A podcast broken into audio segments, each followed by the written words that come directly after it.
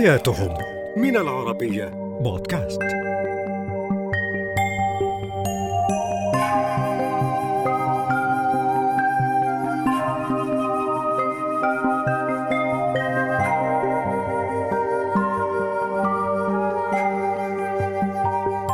مرحبا أنا رفيدة ياسين وهذه هي حياتهم على العربية بودكاست.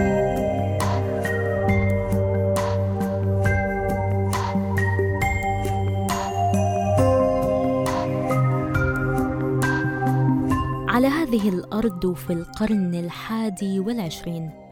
مجموعات عرقية وقبائل بتعيش نمط حياة غير مألوف بعيداً عن صخب المدائن وأبعد ما يكون عن ملامح التطور الصناعي والتكنولوجي. منها مثلا قبيلة كروي الموصوفة بأنها من أغرب قبائل العالم واللي بتعيش بالقرب من حوض نهر برازا في بابوا الغربية بأندونيسيا.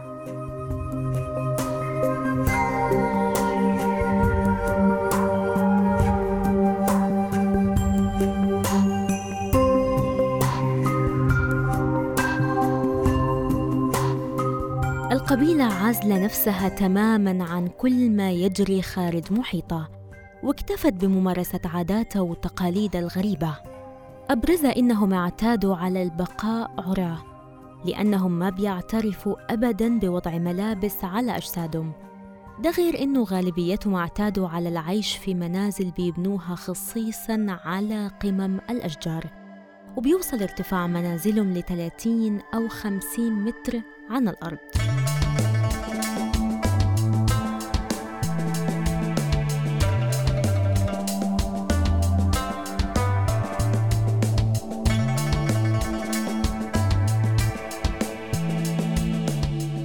تعدادهم حوالي 3000 نسمة.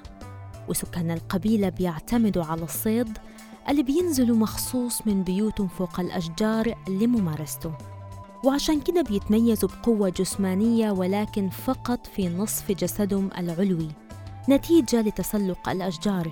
وفي نفس الوقت عندهم ضمور حاد في المنطقة السفلى لأنهم ما بيمشوا إلا نادراً.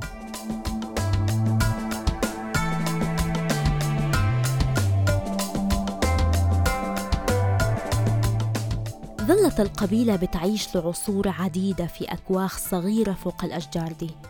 كنوع من الوقاية من الحيوانات المتوحشة والزواحف الخطرة زي الثعابين مثلاً.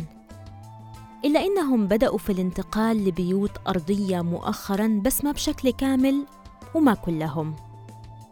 وبيعيش سكان القرية على الآلات البدائية زي الحرابة الحديدية والشفرات الحادة اللي دخلت مجتمعهم حديثاً.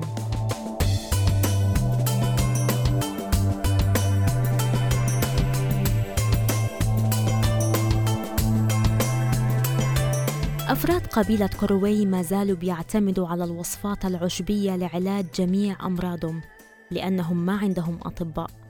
وبيعيشوا تقريبا على نظام غذائي نباتي شبه كلي وإن كانوا بياكلوا الحشرات بشكل شبه يومي برضه وبتعتبر الساجو أكثر أكلاتهم الشعبية شهرة وهي بتصنع من لبابة جذوع النخل بعد طحنها وتحويلها إلى عجين.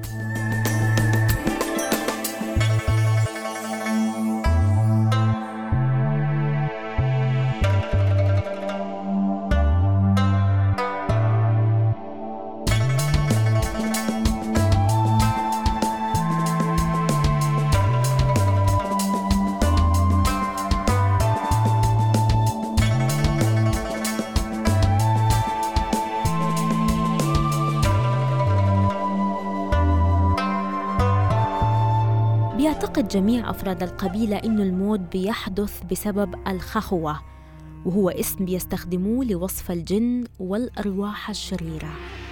اللي بيعتقدوا إنها بتقتل روح الإنسان عشان تحاول الاستيلاء على جسده. وانتشرت معلومات إنه أفراد القبيلة اعتادوا التهام أجساد الأموات كنوع من الانتقام من الأرواح الشريرة دي اللي تسببت في موت صاحب هذا الجسد.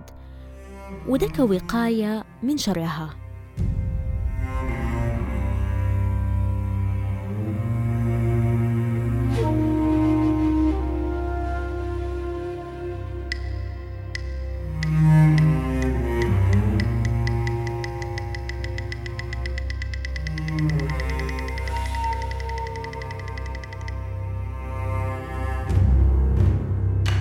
ظلت قبيلة كروي معزولة عن باقي بلاد وشعوب العالم لقرون عديدة. لحد ما تم اكتشافهم مؤخراً بواسطة باحثين ومستكشفين ومصورين نجحوا في توثيق أسلوب حياتهم وتقاليدهم بمجموعة من الصور والفيديوهات.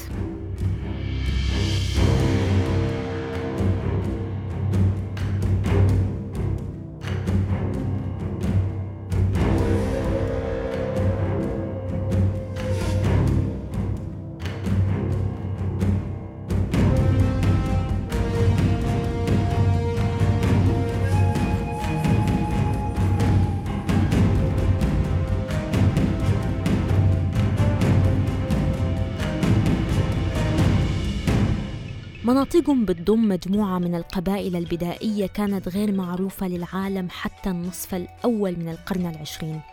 وأشيع عن كثير من القبائل دي إنهم من آكلي لحوم البشر. تم اكتشاف القبائل دي تحديداً سنة 1974 وبحسب المستكشفين أفراد القبيلة ما كانوا على علم بوجود أي بشر غيرهم أصلاً. ولا كانوا مدركين إنه في عالم تاني فيه ناس تانيين عايشين حياة مختلفة عنهم لأنهم عمرهم ما خرجوا برا حدود منطقتهم.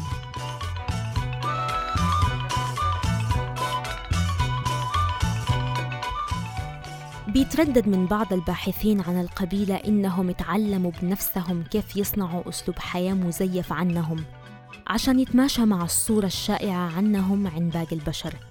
زي التعري مثلا من الملابس أمام الكاميرات لإعطاء الانطباع بأنهم ما بيعرفوا صناعة الملابس ولا بيعرفوا حتى القماش. وبيقال إنهم بنفسهم بيروجوا لإنهم بيلتهموا لحوم البشر للفت أنظار العالم للقبيلة وزيادة أعداد البعثات العلمية والمصورين والسائحين لزيارتهم.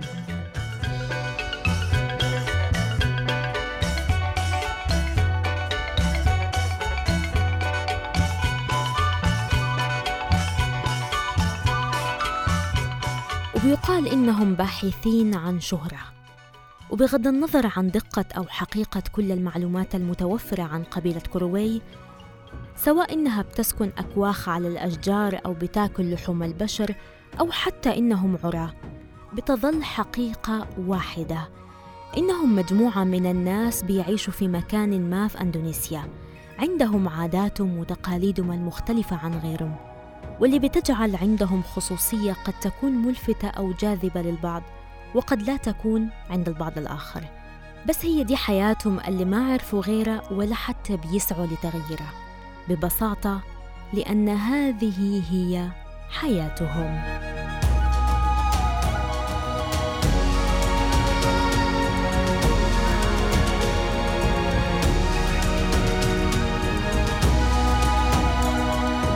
حياتهم من العرب